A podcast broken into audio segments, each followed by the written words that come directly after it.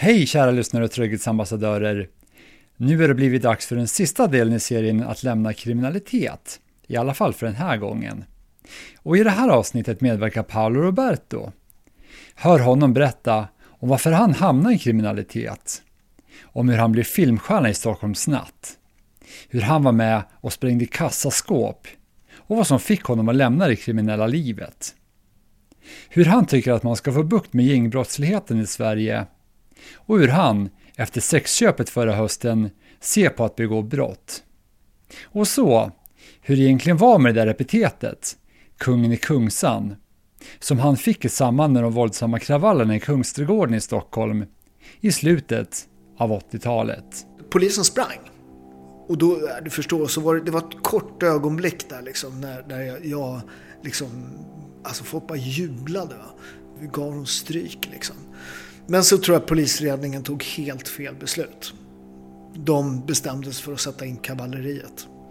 Så det blir ju full jävla liksom, kravall. Va? Det brinner ju. Det bara haglar stenar och du vet, de tänder eld på halva liksom, Kungsträdgården och till slut blir jag gripen. Och det kanske var det värsta trumsolot i mitt liv kan jag säga. på äktat där. Åh jävlar. Då small det. De var inte lyckliga poliserna. Du lyssnar på Sveriges viktigaste podd, Trygghetspodden, med Anders Königsson. Jag heter Paolo Roberto. Jag är 52 år gammal, bor i Nacka. Den här serien handlar om att lämna kriminalitet och det är det vi ska prata om i det här avsnittet. Men först då Paolo, det finns väl inte någon i Sverige som inte känner till dig.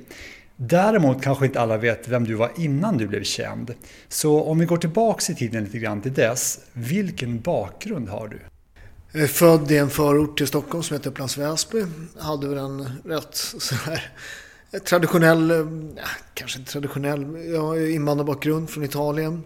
Jag är väl lite skotsk blod på mormor, mormors sida. Så, så att jag uppväxt i förorten, var scout, tävlade mycket, tränade. Gick i kyrkan på söndagarna. Jag var korgosse, jag är katolik så jag hjälpte prästen att vara korgosse. Så jag hade en, en rätt vanlig, ovanlig uppväxt skulle jag säga. Du fick ju epitetet Kungen av Kungsan som tonåring och blev sen känd i filmen Stockholms natt som gjordes av Staffan Hildebrand. Och den filmen kom 1987. Den filmen handlade om hur du var våldsam, misshandlade och även rånade folk. Först då, hur mycket av det man ser i den här filmen var baserat på verkligheten? Det var väl rätt mycket, det var väl mer känslan sådär som, som var baserad på. Men det, det tog ju sitt ursprung liksom med de här kravallerna i Kungsträdgården. Och hela det är ju liksom, stämmer med ungefär hur det var. Sen finns det liksom, ska det göras lite film och det ska vara lite spännande och det ska vara... Så att de här jag slåss med i filmen då innan de försöker gripa mig i Kungsträdgården, det är det som är uppstarten till själva kravallen. Det var egentligen kustjägare och inte punkare då, lite sådär. Men, men en del stämmer, en del är rätt mycket film liksom. Men själva känslan stämmer väl. Hur mycket i kriminalitet var du när den här filmen spelades in? Det liv du levde då? Men när Staffan bestämde sig för att göra filmen, för det var ju något som hände där i slutet på 80-talet i Sverige. Något år innan där fick vi en statsminister skjuten. Vi får en stor flyktingvåg från Iran. Så eh, hela Sverige, liksom, vi är på väg in också i den här lågkonjunkturen sen som kom på 90-talet. Och vi får kommersiell tv. Det är massvis med saker som händer. Och så kommer de här kravallerna i, i, liksom i en samtid då, i slutet på 80-talet som liksom bubblar. Det kokar ju med liksom konflikter och allt sånt där. Och våldet har ju tagit en jätteskjuts uppåt. Man pratar ju väldigt mycket om våldet idag. Men, men våldet där i början på 90-talet, det var ju likvärdigt. Jag, jag, vet inte exakt, men, men det gick upp väldigt, väldigt mycket. Sen gick det ner lite. Sådär. Så Staffan ville göra en film och han ville ha en riktig då, någon som hade varit med om det här på riktigt. Så han letade i polisregistren och polisen hade ju någon, någon form av topplista över de värsta ungdomarna under 18 år. Och där var jag en av dem då, topp tre, mm, som polisen ansåg var mest farliga då i de här citygängen. Så att jag var ju rätt tungt involverad och, och, och det höll på att gå, alltså hade jag inte kommit ur gängen precis där så hade det gått väldigt, väldigt... Alltså om man tittar på mina vänner som sen tog över den undre världen och, och eh, Många vart skjutna och döda och hamnade på långa fängelsestraff. Så det var ju precis ett sånt där precis i rätt läge, eller rätt, rätt läge var ju betydligt tidigare att ta sig ur det där. Men hade det varit lite mera tid så hade det nog varit för sent. Eh, då hade jag antingen varit död idag eller en tungt, tungt kriminell eller suttit på ett väldigt långt fängelsestraff. Så, så att eh, jag, jag, var rätt tungt kriminell var jag, absolut. Knivhuggen tre gånger, bara en sån sak. Eh, ja, då var jag bara knivhuggen två gånger. Men jag har varit knivhuggen sen jag jobbade i dörren eh, på Café Opera efter det. Men, men tre, två gånger hade jag blivit knivhuggen. Så jag hade varit med om en del och, och varit ute en regnig dag förut innan jag gjorde den här filmen. Hur kom det sig att du hamnade i den här livsstilen då? För att som du sa så hade du en ganska ändå vanlig uppväxt. Det låter inte som att det var speciellt stökig uppväxt eller så. men det är ju så mycket i livet. Det, det är ju slump och, och, kombination av olika förutsättningar och allt sånt där. Och jag, jag var ju en superskötsam kille och, och rätt duktig i skolan faktiskt. Men jag är ju dyslektiker. Jag kom upp på högstadiet och jag är ju jättehögpresterande sådär och började få rätt jobbigt i skolan. Men, men fortfarande var jag var scout liksom och, och, och, och gick i kyrkan på söndagar och rätt töntig liksom. Men sen hamnade jag i ett bråk med en kille som gick i nian. Och jag var ju rätt den där lilla killen, men jag tränade ju redan kampsport och var rätt duktig liksom. Judo. Så att jag smörjde upp den här killen eh, som var både större och äldre än mig. Och sen dess liksom, så var jag han den där lilla killen som kunde slåss. Så jag fick hänga med de äldre killarna och allt egentligen en ung tonårskille drömmer om blev sanning. Jag gick från att vara den lite töntiga scoutkillen som gick i kyrkan till att vara, du vet, hängde med äldre killar, tuffa gänget, tjejer vart intresserade av mig. Så det, det, var väldigt svårt att säga nej till. Liksom. Det, det fanns ingenting mitt tidigare liv hade erbjudit som jag såg det då. För att man ser ju inte, när man är på väg in i det så ser man ju inte alla de enorma liksom, konsekvenser det här får för sig själv och för sin omgivning. Va? Och vilket var det första brottet du begick? Kommer du ihåg det? Man har snattat när man var någon gång sådär. Men, men, men eh, första som jag blir tagen för det är jag och några polare som försöker råna en taxichaufför av någon, ja du vet vi hamnar i bråk med honom så att det börjar inte med att vi ska... Men så kommer polisen och tar mig och då är jag 14. Och det är första gången jag sover på häng. Men det är inte det första brottet, men det är första brottet de tar mig, tar mig för. Sen har jag varit inblandad i massvis med skit innan men det är första brottet jag blir tagen för. Och eh, första gången jag sover i häkte också. Jag, jag, man får inte hålla en 14-åring i häkte men jag vägrade ju säga vad jag hette. Jag var ju så rädd för farsan. så, så, så, så, jag sov hellre. Jag tänkte så här, de kommer släppa mig. Jag kan stanna här ett år bara jag slipper farsan. Liksom. Så, att, eh, så jag sov, sov där då över natten och sen så var det en socialsekreterare som kände igen mig. Så att det är väl första bortet. Jag, då är jag 14. Det är första gången jag tillbringar en natt i häktet. Och du sa ju där i samband med researchen inför Stockholms nattfilmen att då listar polisen dig som en av de allra värsta i de här innerstadsgängen som fanns. Vad var det som hände från att du begick det här brottet då till att det sen eskalerade och att du vart så liksom, djupt involverad i brottslighet så att du fick den här farliga stämpeln, att polisen såg dig på det sättet? Det, ju, det beskrivs ju ofta som en trappa det där när man tar sig in i kriminalitet. Problemet är att stegen är så små. Så man, man, varje dag är det någon liten kliv i något som blir lite värre. Och så börjar man liksom, man, när man varit kung i förorten, sen vart ju förorten för liten. Vet, polisen punktmarkerade oss. Så vi började åka inåt till Stockholm city. Och där träffade vi ju andra killar då från de andra förortsområden. Uh, unga killar, dålig självkänsla, mycket aggressioner, sopor i skolan, uh, kungar på gatan. Och det där var ju som en centrifug för onda känslor. Alltså det, vi träffades på T-centralen eh, på vintrarna, Kungsträdgården på somrarna. Och där lärde man sig allt.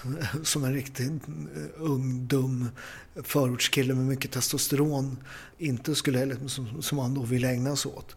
Så att det var ju den här, liksom, det var den här centrifugen man liksom hamnade i. Det vart värre och värre och bara liksom, du vet. Man sögs in i det och, och man, man, kliven är så små så man märker aldrig riktigt att det blir värre. Liksom. Och till slut så var ju liksom våld och det, det var en del av vardagen. Liksom. Men jag menar, när jag, när jag var 15 år hade jag sett folk dö. Liksom. Det var mitt liv. Liksom. Vad var det som hade hänt då? Nej, men jag, det ska jag inte prata om. Men jag, jag har sett folk dö. Så är det. I uppgörelse och sådär. Men, men ja. Ditt umgänge vid den här tiden då? Vilka kompisar hade du och eh, vilken inverkan hade ni på varandra när det gällde att begå brott? Men vi var ju ett gäng där, många som är fortfarande är kompis. Det är inte alla som är kvar i kriminalitet utan några är, ju liksom eh, straight up guys. Min absolut bästa kompis, både då och nu, han är ju rektor faktiskt. Han, han, allting bringade många år i Främlingslegionen som fick han att räta ut ryggen lite och tvätta sig bakom öronen. Så, så det var nyttigt för honom. Så kom han tillbaka och gick eh, lärarhögskolan och är en fantastisk rektor idag med, med mycket erfarenheter. Jag, jag, tror att det som, som gjorde att man liksom det här gängen då, liksom, det, var, det var en del från förorten och min egen förort. Det var Roberto, det var en kille som hette Claudio. Ett gäng som åkte in därifrån. Eh, och där inne i city träffade vi andra liksom, killar. Och det här var ju liksom som jag sa, det var ju liksom som, det, det, var som ett all-star team från hela Stockholm liksom, med folk med mycket dumma idéer. Liksom.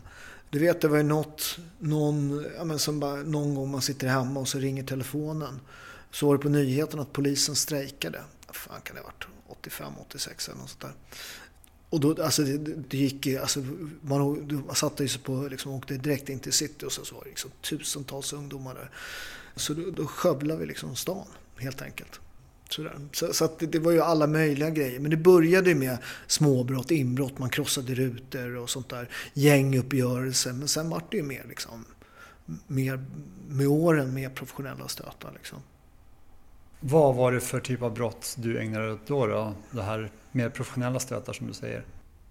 Nej, på den tiden så hade ju butiker, de hade ju, de hade ju dagskassan i butiken. Man hade ju kassaskåp. Så jag har ju sprängt några kassaskåp, inte jag, men jag hade kompisar som kunde det där. Och en del som inte kunde det kan jag säga. Några gånger har man fan varit med och stryka med någon jävel och proppat i för mycket dynamit. Jag vet någon gång vi, vi sprängde något skåp och så tände de på och så ställde vi oss liksom, så med väggen som skydd. Så med väggen mot. Och så kom den jävla skåpdörren farande genom väggen. Så, så att, eh, nej men det, det, var väl den typen av brott vi sysslade med. Och det här första brottet du då begick när du var gripen, som du då alltså försökte begå ett rån. Vad fick du för straff då? Uh, nej, på den tiden fick man ju liksom inga straff. Utan, utan jag, var, jag var 14 också, då fick man inga straff. Sådär, så att nej, det, det var liksom ingenting var jag för mig. Så jag är ju dömd för misshandel, förberedelse till misshandel. Jag är dömd till. De försökte få mig fälld för våldsamt upplopp, men det fick de inte. Så jag är dömd några gånger, men eh, det, det jag, jag, kommer faktiskt inte ihåg, men jag, jag, tror inte jag blev fälld för det. Jag tror inte det var rättegång ens på det. Jag vet inte om man gjorde en polisanmälan, den här taxichauffören. Jag kommer inte ihåg om jag ska vara det. Som du sa då, vid den här tiden, våren och sommaren 1987, så var det alltså många ungdomar som hängde i Kungsträdgården i Stockholm. Beskriv lite närmare, alltså, hur var det här då i Kungsan? Ja, men det, var en, det var en jävligt häftig miljö kan jag säga. Så det var ju det är massvis, alltså man, man talar ju bara om de här kravallerna. Man ska också komma ihåg att mycket av svensk ungdomskultur föds där. Liksom den svenska hiphopen, graffitin. Eh, alltså det helt nytt, alltså den här mer invandrarbetonade liksom, kulturen, ungdomskulturen, det fanns ju inte innan. Va? Utan det var ju rock, liksom, hårdrock. Så, så att det, det, föds en helt ny liksom, ungdomskultur, det föds en helt ny musik, det föds breakdance. Jag har faktiskt själv kommit trea i breakdance-SM. Så att det, det handlar ju mycket positiva saker i den här. Man pratar ofta om så här, kulturella smältdegar. Och det här var ju verkligen det, när det var positivt. Och på den tiden också kan man säga med de här förortsgängen att idag är det liksom en etnicitet. Alltså man, man, är somalier eller man är liksom. Eh, men på den här tiden så var det ju blandat liksom. Det, det, var inte en utan vi var, i våra gäng var vi turkar, chilenare, du vet. Utan det var blandat va. Så att det blev en smältdegel liksom, med kulturer och man lärde sig andra språk och, och sådär. Så att det fanns ju en otrolig så här, positiv del i det här som, som faktiskt var jävligt häftig och, och ändå så som man inte riktigt Kungsträdgården har fått en kärlek som den borde ha fått. Men hela de här kravallerna liksom skapar liksom en dimma som gör att inte folk ser att mycket jävligt coola grejer föddes där. Liksom. Men sen var det en liten del som var kriminell där. Eh, och det var vi då. Och vad i allt det här stora positiva då med allt det här som kom fram var det negativa när det vart de här kravallerna? Vad var det som gjorde att det här drog igång? Nej, men det hade ju länge varit, det hade ju länge varit en, eh, alltså spänningar mellan de här ungdomsgängen och polisen. Liksom. Under, liksom, det hade varit upprinnelse till det här, man hade gripit folk och sådär. Och polisen gjorde ju det där man inte ska göra eh, i sådana situationer. Hela det här börjar med att, att jag och mina kompisar, Väsbygänget i slagsmål med och några till i slagsmål med de här kustjägarna på Sveavägen ett gäng med civilpoliser ser det här men de vågar inte ingripa. De, de, vet vilka vi är, de vet också att vi är rätt farliga liksom, och de är för få. Så de sätter igång och skuggar oss på vår, väg ner mot Kungsträdgården. Och när vi ska oss in där, det här är faktiskt som i filmen, eh, så står det piketbussar och väntar på oss och sätter igång och gripa oss. Men jag lyckas slå mig fri och springer in där i folkhavet. Det är tusentals människor som väntar där liksom och hänger. Liksom. Och där kommer jag springande med massa poliser liksom Eh, och så är det någon som sätter krokben för poliserna och det blir slagsmål. Polisen ringer efter förstärkning eh, och, och, så, och då är, sen är det full kravall. Och till en början så får man ju liksom polisen att springa. Och jag tror för hela den här liksom invandrarkulturen, och det, det är också fel att säga invandrarkultur för rätt många, minst hälften av de här gängen var svenskar. Så att det, det, var inte alls på det sättet som det är idag. Att det var, alltså alla hade utländsk etnicitet. Utan här var hälften, minst hälften var svenskar. Och de här liksom. Men alla var från förorten. Alla var rätt arga på samhället och på livet och på världen och, och på allting. Och helt plötsligt så fick man liksom, och man hade fått stryk av polisen. De var ju rätt hårda på den tiden. Det fanns en, de hette baseballligan. Det fanns ett gäng poliser som brukade skjutsa ut folk och spöa upp dem liksom. Åka till någon park och ge en kokstryk. Och jag vet ju själv att man, när man var gripen så man, VD1 då, som det hette, vaktdistrikt 1, så fick man åka en våning upp med hiss. Och där drog de ofta trumsolo med batonger och så. Och det fanns ett förhörsrum på T-centralen där de brukade ta in en. Och jag vet någon gång om de, det var något med brott jag var misstänkt för. Det och, då, och de sa erkänn och sådär. Nej men jag har inte gjort det. Då började de ju slå med batonger och sådär. Så att det fanns en enorm liksom, frustration sådär, inte alltid rätt kanske, för att vi var ju gangsters. Liksom, så att man kan ju också idag som, som vuxen förstå de här polisernas frustration med de här jävla stöddiga ungjävlarna. Liksom. Men eh, polisen sprang. Och då, du förstår, så var det, det var ett kort ögonblick där liksom, när, när jag, jag liksom, alltså folk bara jublade. Va? Vi gav dem stryk liksom. Men så tror jag polisledningen tog helt fel beslut de bestämde sig för att sätta in kavalleriet. Så det blir ju full jävla liksom, kravall. Va? Det brinner ju. Det bara haglar stenar och du vet, de tänder eld på halva liksom, Kungsträdgården och till slut blir jag gripen. Och det kanske var det värsta trumsolot i mitt liv kan jag säga. på häktet där. Åh jävlar. Då small. De var inte lyckliga poliserna. Vad gjorde de då, då när du var där på häktet? Nej, men de, de slog ju på mjukdelar med batonger och sådär. Ja, så att... Ja. Spö. Vad tänker du om det då? Att polisen liksom tog upp det och spöade dig helt enkelt? Nej, men, alltså det fanns en hel del rötägg inom polisen på den tiden. Väldigt, väldigt, man hade ett helt annat sätt liksom att jobba.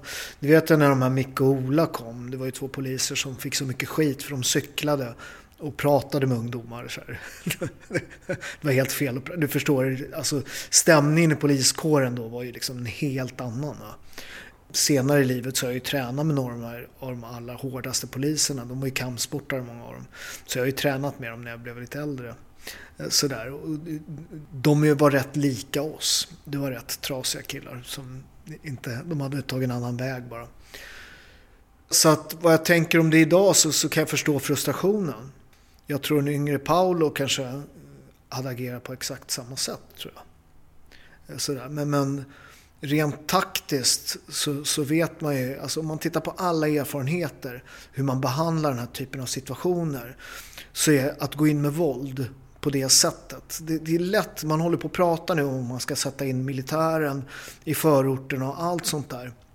Och jag tycker det absolut bästa exemplet på det, och det, det, finns alltid bara, det finns två läger här. Det finns de här stenhårt, intryck till dem, militär, och så finns de här prata med de stackarna. I Sverige kan man inte hålla två tankar i huvudet samtidigt, det är helt sjukt. va. Utan om man tittar, om man går in med hårdhandskarna, det absolut bästa exemplet på det, det är, det är krisen i Nordirland. Där bestämmer man sig rätt tidigt när, när det börjar liksom bli lite kravaller och lite motstånd och sånt. Man bestämmer sig, nu jävlar. Och vad gör man? Jo, man sätter in militären. Man skickar in unga värnpliktiga britter, nästan alla protestanter. Uppstarten till det här är någon, någon demonstration med kvinnor som man trycker till som fan mammor som gör, ut och demonstrerar mot ett utegångsförbud. Man trycker till dem så in i helvete. Så det blir sån jävla bitterhet, sån jävla aggression. Det blir ett 30 år långt blodbad. Och det är exakt vad som kommer hända om man sätter in militären i, eh, i förorterna nu. Däremot om du gör bägge, om du är både hård och mjuk. Nu kommer jag inte ihåg vad hon heter, men det är någon polischef i New York, något område där. Där de tar ut de hundra mest våldsamma i det här området och säger så här, vi vet vilka vi är. Vi har all information, vi vet vad ni gör, vi vet var ni bor, vi vet var du, liksom, var du hänger, vi har alla dina kompisar. Om, if you fuck up, we're gonna fuck you.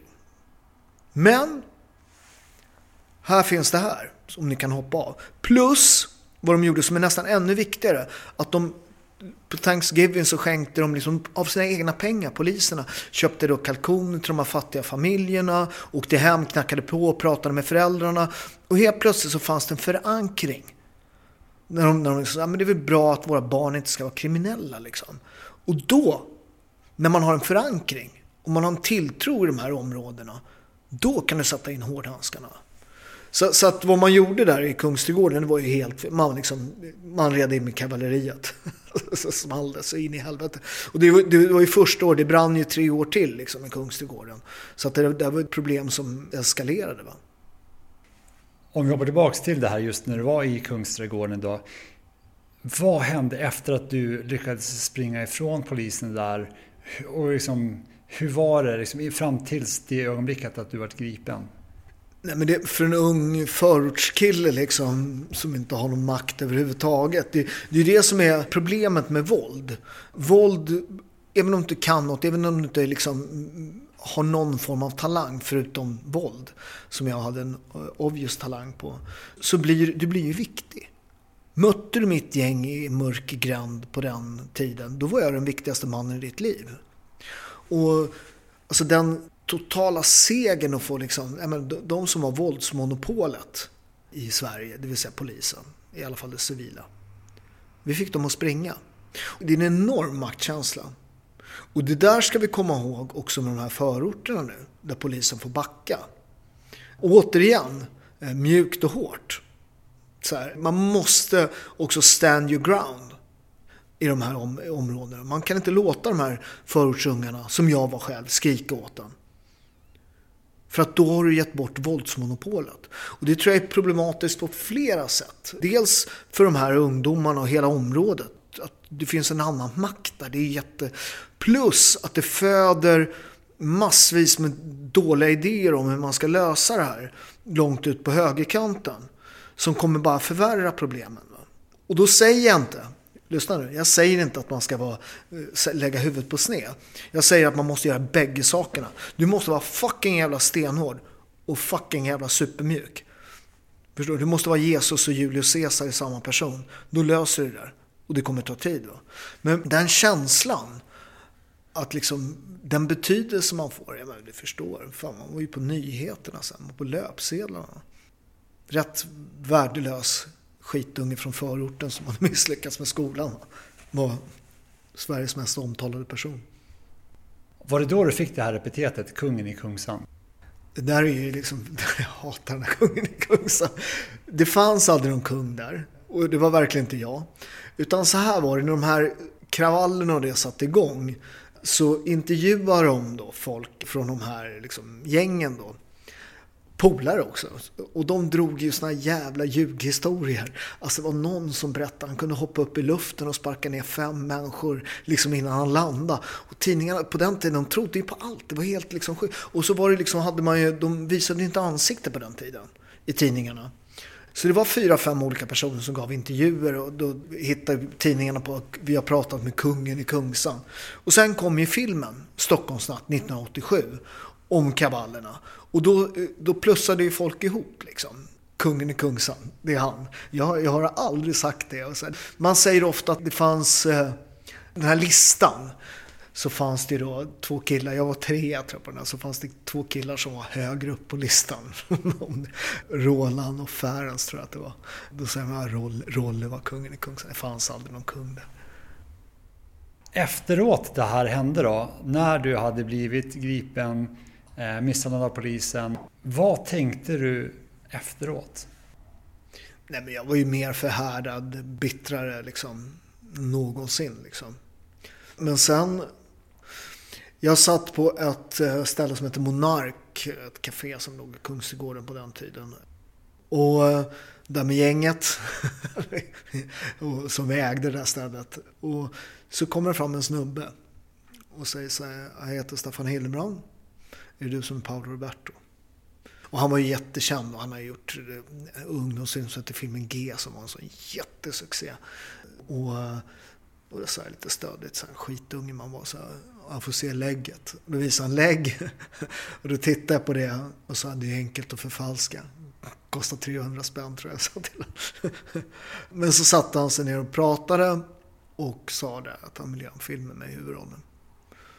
Och det var ju en rätt viktig resa för mig när jag fick träffa Staffan och, och jag fick helt nya idéer. Jag fick se en annan värld och liksom alla som jobbade med den här filmen var fantastiska.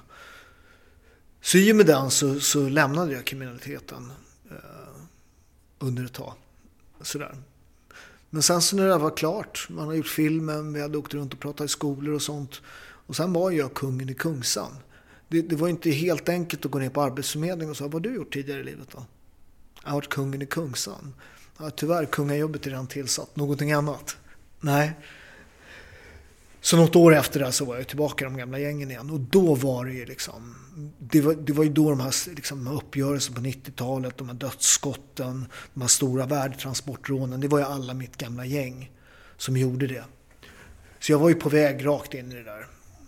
Men som tur var så skulle det ändra sig, allting. Och vad var det som hände i ditt liv som fick dig att lämna det här?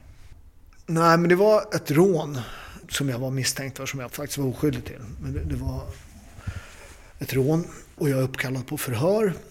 Och jag sitter där som vanligt stödd. Jag visste att de inte hade något på mig. Liksom, så då kunde man ju jävlas med den här förhörsledaren. Liksom. Så jag satt där och var skitstöddig. Liksom, bara dryg jävla skitunge. Liksom. 19 år gammal. Bara, så bara pissunge. Liksom. Men han är, han är den här förhörsledaren, så här, det efter ett tag så han är liksom, det är något med honom. Så, så efter ett tag så börjar jag liksom lugna ner mig lite där. Och så, så, det är något med honom, så man, man märker att han är där med hjärtat. För det, det ska jag också säga, att jag har träffat väldigt många bra poliser också. Om man ska vara helt ärlig, man har träffat några få assholes. Men, men majoriteten har varit jävligt bra poliser och, och reko människor och velat göra skillnad. Och det här gamla gardet, det fanns mycket bra poliser där. Så det här var en av de bra. Och, de, och du förstår vad, vad, han, den här killen, genom, genom det här förhöret. Bara, bara liksom så här, han kunde ha slagit mig, han kunde, det kan han inte gjort där, men han kunde ha varit en dryg jävla svin, du vet, någonting. Men istället för att liksom, han var vuxen, jag var skitungen, han var större än mig och han, det var något han såg hos mig. Så när det var klart, jag skulle resa mig och gå, så sa han, du Paolo, sitt ner, jag vill bara att du ska se en sak innan du går. Han drar ut en låda ur skrivbordet, plockar upp en bild, skjuter den ur skrivbordet. På bilden finns en kompis till mig. Han är död, skjuten till döds. Han ligger i en pöl av sitt eget blod och sin egen avföring. Det är så när man dör, då släpper tarmfunktionen. Då pissar man och skiter ner sig. Och döden på det sättet, det är inte som på film. Det är extremt otäckt och extremt förnedrande. Det är det första man tänker på, förnedring. Det här var en snubbe som, som, som jag kände som var en jävla respekt för. Stenhård jävel liksom. Men där låg han. I den där pölen. Och han sa till mig, du Paolo, du vet att du står på tur. Det är snart ditt nummer. Kom ihåg det. Så när jag klev ut där på Vasagatan där en gång i tiden polisstationen låg så knöt jag mina händer, blickade mot himlen och sa om det finns en gud, hjälp mig. Och där slutade jag vara kriminell. Så att eh, det var ett beslut. Ett väldigt svårt beslut och det är rätt att snubbla och man har snubblat på vägen och allt sånt där. Men, men det var där resan började. Vad tänkte du när du såg den här bilden och han sa de här orden? Ja, men det är när man, när man känner någon på det sättet, på den, i den alltså, enorma, alltså, i en pöl liksom, med död. Va? Eh, människa som hade levt och varit eh, så här, hårdheten själv, tuff. Eh, nej, det, det, det var något inom det där som var så här. Och jag förstod också själv eftersom man har varit, men fan, jag har ju blivit knivhuggen och jag har sett pistoler och de har skjutit och allt sånt där. Så man, man fattade ju att så här, fan, han har ju inte helt fel liksom. Och jag var ju ofta först då liksom i de här bråken liksom. Så att, eh, nej, jag kände verkligen att eh, det finns en möjlighet för mig att ligga där. Alltså, det är inte helt omöjligt att jag ska hamna i samma situation. Och jag tänkte, du är för smart för mig. Du har något annat Paolo. Du, du, ah. Det var flera grejer under det här som liksom, och folk hade börjat knarka och du vet så här, det, det kändes som, som, du vet. Folk, det var inte samma, liksom, det hade gått från där pojkbus liksom, grejen till att vara liksom, vi var ju proffskriminella liksom. Och man hade börjat se, man, man levde ett liv där man hade mycket pengar och du vet, tjejer gillar ju killar, du vet, ur förorterna som kör en snygg bil och har mycket pengar och snyggt klädd liksom. Men det började komma andra sidor av det livet liksom med knark och, och folk som vart, du vet, när folk knarkar och käkar Navolosterid, de blir ju fan knäppa liksom. Så det fanns flera grejer förutom det här som gjorde att man hade börjat fundera på liksom, vad det här var och vad ska jag göra resten av livet. Liksom. När du då fattade det här beslutet, var det där och då som du bara av pang bom eller fortsatte du ändå att begå brott men att det var där du rent mentalt slutade, att du rent faktiskt slutade begå brott lite senare? Kort efter det här så träffade jag chefen för Café Opera. Eh, och de hade ju börjat få problem med förortsgäng. Så han anställde mig bara på Café Opera. Så jag fick jobb som dörrvakt. Jag, jag var 19 bast. Jag kom inte in, in på stället. Jag vägde, jag tror jag vägde, jag tävlade i 64 kilo. Jag var ju liksom minst, alla mina kollegor vägde 100 kilo. Alla var så här. Men jag fick jobb där för att städa upp bland de här förortsgängen. Så att de kanske vägde 100 kilo, men, men när det var slagsmål var det jag som slogs och de tittade på. Så jag fick ett jobb som var väldigt viktigt, ett jobb som jag verkligen tyckte om. Det var bra betalt. Hela, alltså, folk som inte är i min ålder, de förstår inte vad Café Opera var då. Det fanns bara ett ställe i Sverige. Folk åkte till Stockholm för att gå på Café Opera. Det var så jävla, liksom, alla var där. Politiker, kändisar, TV, rika, snygga, för alla var där. Så att få jobba där var ju liksom, och det gjorde jag också, och det sa till med chefen så här, du, du sköter det. Förstår du? Annars åker du ut här. Så att, plus att då jag varit konfronterad med många av mina gamla polare i dörren. Så att det var en rätt skarp gräns för mig där. Där jag var tvungen att dra, dra liksom ett streck i sanden och säga här, här måste jag lägga av. Och därifrån var det.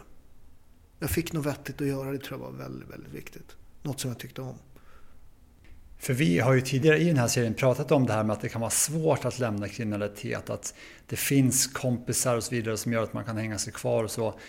Hur var det med ditt umgänge? Vad sa de då när du hade fattat det här beslutet att du skulle lämna kriminaliteten? Men det var flera saker som hände. Det var inte bara det här utan min kampsportskarriär började sätta fart. Så att dels så hade jag det. Och det gillade Det var ju ofta stora matcher i Solnahallen liksom.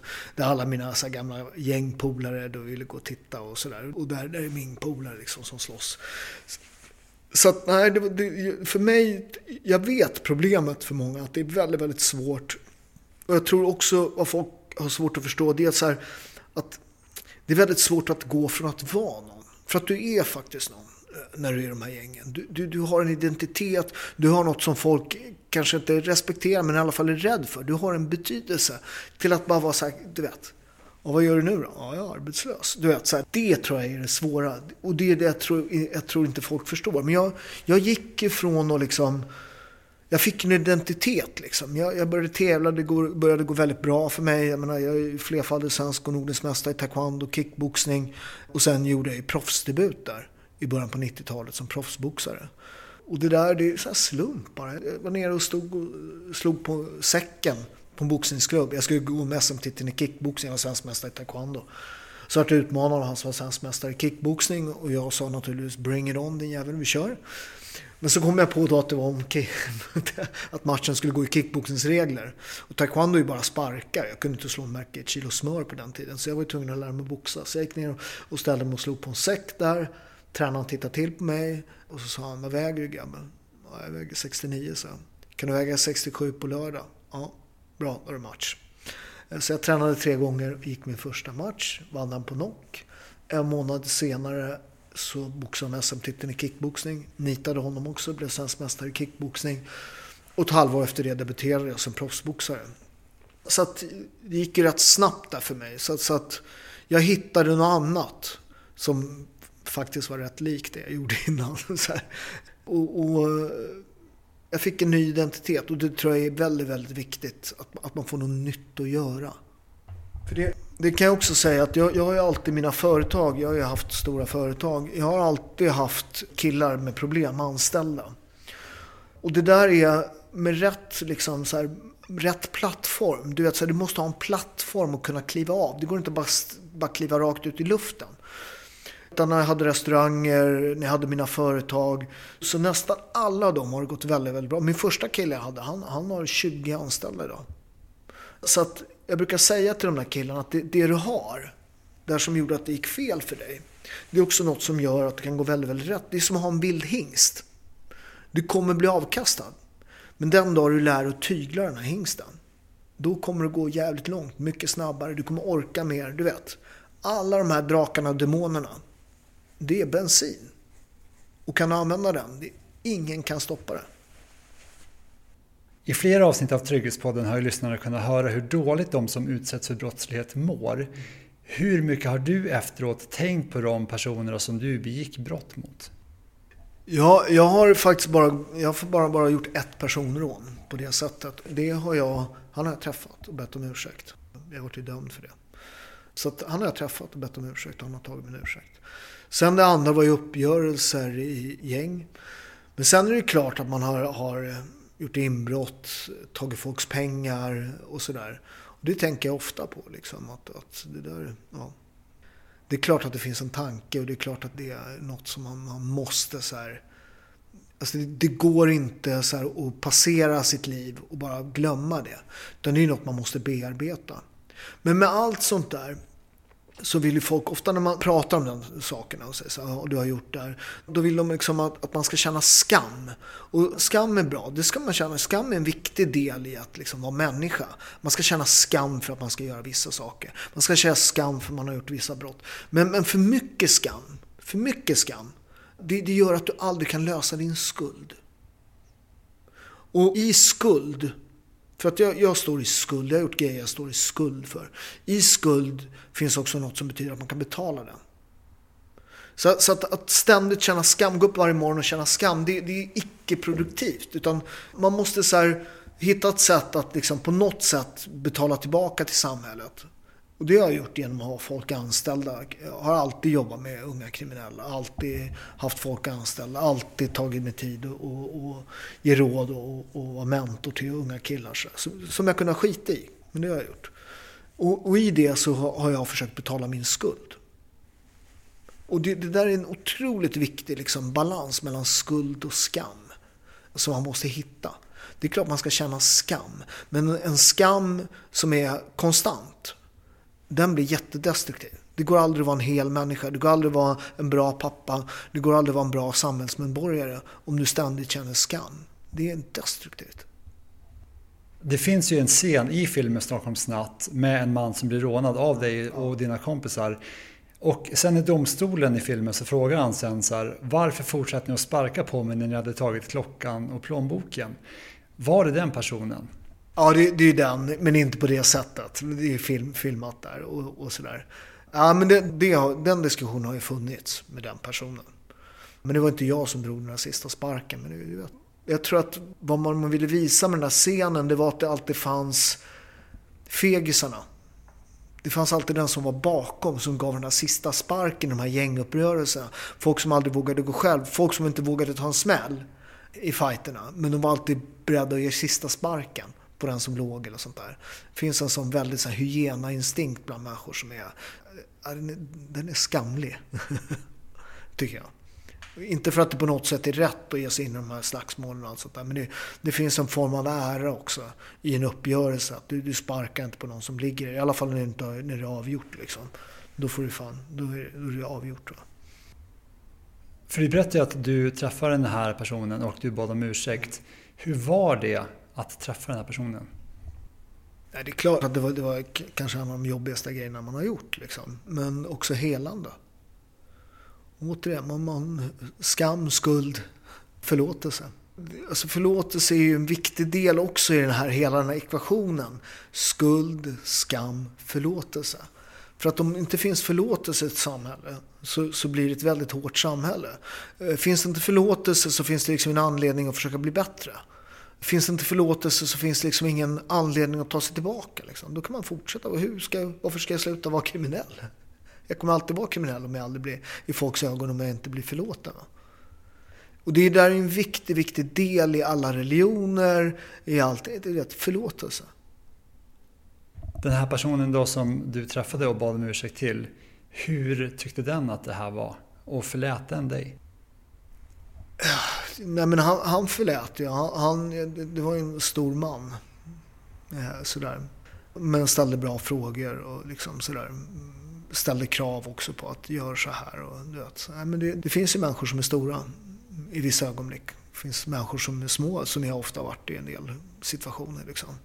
Så det, det är en del av en människa. Ibland är man stor, ibland är man liten. Ja, han var stor, jag var liten. Sen lämnade du alltså livet i kriminalitet och som du har nämnt här så kom du in på att du tävlar i olika kampsporter och så. Och sen som alla vet har ju du också drivit en lång rad olika företag. Kan du bara jättekort dra en summering efter proffsboxning där? Vad gjorde du sen när du gav dig in i näringslivet? Men jag skrev ju min första kokbok precis efter jag hade slutat boxa som blev årets italienska kokbok och den var ju storsäljare och sådär. Började jobba på TV, göra matprogram. Jag lanserade mitt eget pastamärke som eh, höll på att bli det största pastamärket i Sverige. Vi var på väg upp till en 100 miljoner där. Jag har drivit tre stycken restauranger. Jag har drivit ett hotell, ägt ett hotell. Ja, blivit årets föreläsare, haft 200 anställda, omsatt nästan 200 miljoner. Och det, all, all den businessen, all den kraften och allt det, det handlar om två grejer. Driv och att jag inte är rädd. Jag är beredd, liksom, jag är beredd att ta en chans. Liksom. Som är ibland dåligt, men rätt ofta väldigt, väldigt bra. Jag, alltså det är lite där från, har man varit med om mycket i livet, så här, det, är mycket, det ska mycket till om jag ska bli rädd på riktigt. Liksom. Så här, ja, vad kan hända? Jag kan förlora mina pengar. Ja, ja. Det, det kan jag alltid fixa igen med. Liksom. Så att jag hade ju och har fortfarande en rätt bra business liksom, i livet. Om du får vända dig till de som lyssnar nu och kanske lever i kriminalitet. Vad skulle du vilja säga till den eller dem då? Så vilka möjligheter har man när man lever ett hederligt liv jämfört med ett kriminellt? Ja, men nummer ett är att man slipper gå runt och vara rädd. Alla säger jag är inte rädd, jag är inte rädd. Det är du visst det. Alltså det här, allt man gör inbrott, man, man hamnar i konfrontationer. Alla är rädda. Alla som säger något annat är, är, ljuger. Så att du slipper vara rädd och det kommer göra att du slipper ha en hård själ. Ditt hjärta slipper bli hårt. Du slipper ha ångest, du slipper vakna på nätterna. Du slipper oroa dig, du slipper sitta i fängelse. För att grejen är att du kommer hamna i fängelse. Det gör de alla. Så är det. Så att ditt liv kommer bli bättre. Även om du inte har världens bästa jobb så kommer ditt liv vara bättre. Det enda du behöver göra det är liksom så här, den där kraften som jag sa tidigare. Den där kraften det är som att ha en vild hingst. Tygla den. Använd den. Vad du än kommer jobba med så kommer du bli bra på det. Jag lovar det. Så är det. Du kommer jobba hårdare än alla andra. Du har också lärt dig saker på din väg om människor. Om fruktan, om rädsla, om djupa, djupa mänskliga instinkter. Den lärdomen, den har du med dig i livet. Du kommer bli en grym säljare till exempel. Och så, så att det finns mycket, mycket yrken som passar dig. Där du är grym, där man behöver krigare. Gå upp tidigt på morgonen, jobba hårt, allt det där. Det har du drivet inom det. Du har modet. Du vågar gå utanför ramarna. Använd det rätt. Då kommer det gå bra. Så är det. Vi har pratat om att du ska medverka i den här serien under väldigt lång tid. Det är väl ett och ett halvt år sedan någonting, sedan jag ringde dig första gången. Sen i december förra året hände något som fick ditt liv att ta en ny vändning. Du greps efter att ha köpt sex i en lägenhet i centrala Stockholm. Och du har ju sagt nu inför den här inspelningen att du har dömts för det, lämnat det bakom dig och inte vill prata om det. Men jag vill ändå fråga en sak. Utifrån det här med att lämna kriminalitet, Tror du att det är lättare för den som har begått brott en gång i tiden att så att säga kliva över gränsen igen jämfört med för den som inte har begått brott tidigare? Jag har aldrig tänkt den tanken faktiskt. Men, men eh, det kan nog ligga något i det faktiskt. Det, det är klart att du har inte samma liksom, så här. Du har ju klivit över den här gränsen förut. Jag vet faktiskt inte. Eh, jag tror den typen av brott jag är dömd för är det alla. Från domare till poliser till, som blir dömda för det. Så, så att Eh, både och tror jag. jag. jag. har inte riktigt tänkt den tanken fullt ut. Så jag vet, jag vet inte, kanske. Efter det här sexköpet och det här har ju fått en väldigt stor påverkan. Du nämnde en lång rad olika företag som du har arbetat med. Hur är din syn på att begå brottsliga handlingar utifrån allting som nu har skett med dig och ditt liv? Nej, men är det olagligt så är det olagligt. Det finns inget mer att säga om det. Man ska inte, vi har bestämt oss för en lag och då får man ju sköta sig, agera inför de reglerna. Eh, och blir, blir man tagen så får man ju ta sitt straff. Liksom. Det, det finns inget mer att säga om det. Jag har tagit mitt straff, jag har jobbat med den delen som gjorde att jag gjorde det här. Så, så det finns inget mer att säga om det. det. Det är vad jag har gjort. Och jag står för det. Jag har bett om ursäkt. Vill man ta ursäkten, då gör man det. Vill man inte göra det, well, okej. Okay. Utifrån dina många erfarenheter, då, både när du levde i ett kriminellt liv och sen när du levt ett hederligt liv. Vad skulle du säga krävs och vilket är det bästa sättet att lämna ett kriminellt liv? Jag tror inte det finns ett svar på det där. Jag tror att det finns rätt många svar. Men jag, jag, jag, tror några grejer som jag redan har pratat lite om. Du behöver en plattform att kliva av på. Du behöver kunna hitta en respekt för dig själv och vem du är. Liksom.